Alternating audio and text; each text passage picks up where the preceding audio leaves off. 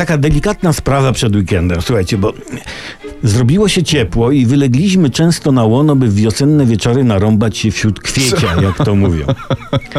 Ale, ale także w środku miast. Ale, no wiadomo, następuje taki moment piwkowania, że trzeba sprawdzić, czy ktoś nie ukradł rowerów, prawda? W sensie trzeba zaspokoić potrzebę fizjologiczną mniejszą, no. no po prostu zatańczyć sikanego, no. I tu prasa alarmuje. Weźmy Warszawę, czytamy. Po Wiśle zasikane. W innych miastach też nie jest najlepiej. Imprezowicze na powierzchni, zanietrzeźwieni, oddają płynny zew natury na budynków mury. Taki wiersz ułożyłem. Rozsiewając niemiły dla mieszkańców charakterystyczny bukiet odorów i fetorów. W Hamburgu na przykład na obszarach intensywnego moczowania pomalowano ściany budynków farbą tak odporną na ciecze, że ona odbija te ciecze na spodnie użytkownika ściany.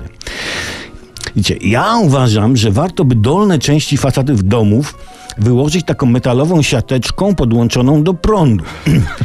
Ro, rozkminiacie system, co? Siusiającego, jak tylko jego moc dosięgnie siateczki, w sekundę później wyrzuca na drugą stronę ulicy. Prawda? Taki oszołomiony.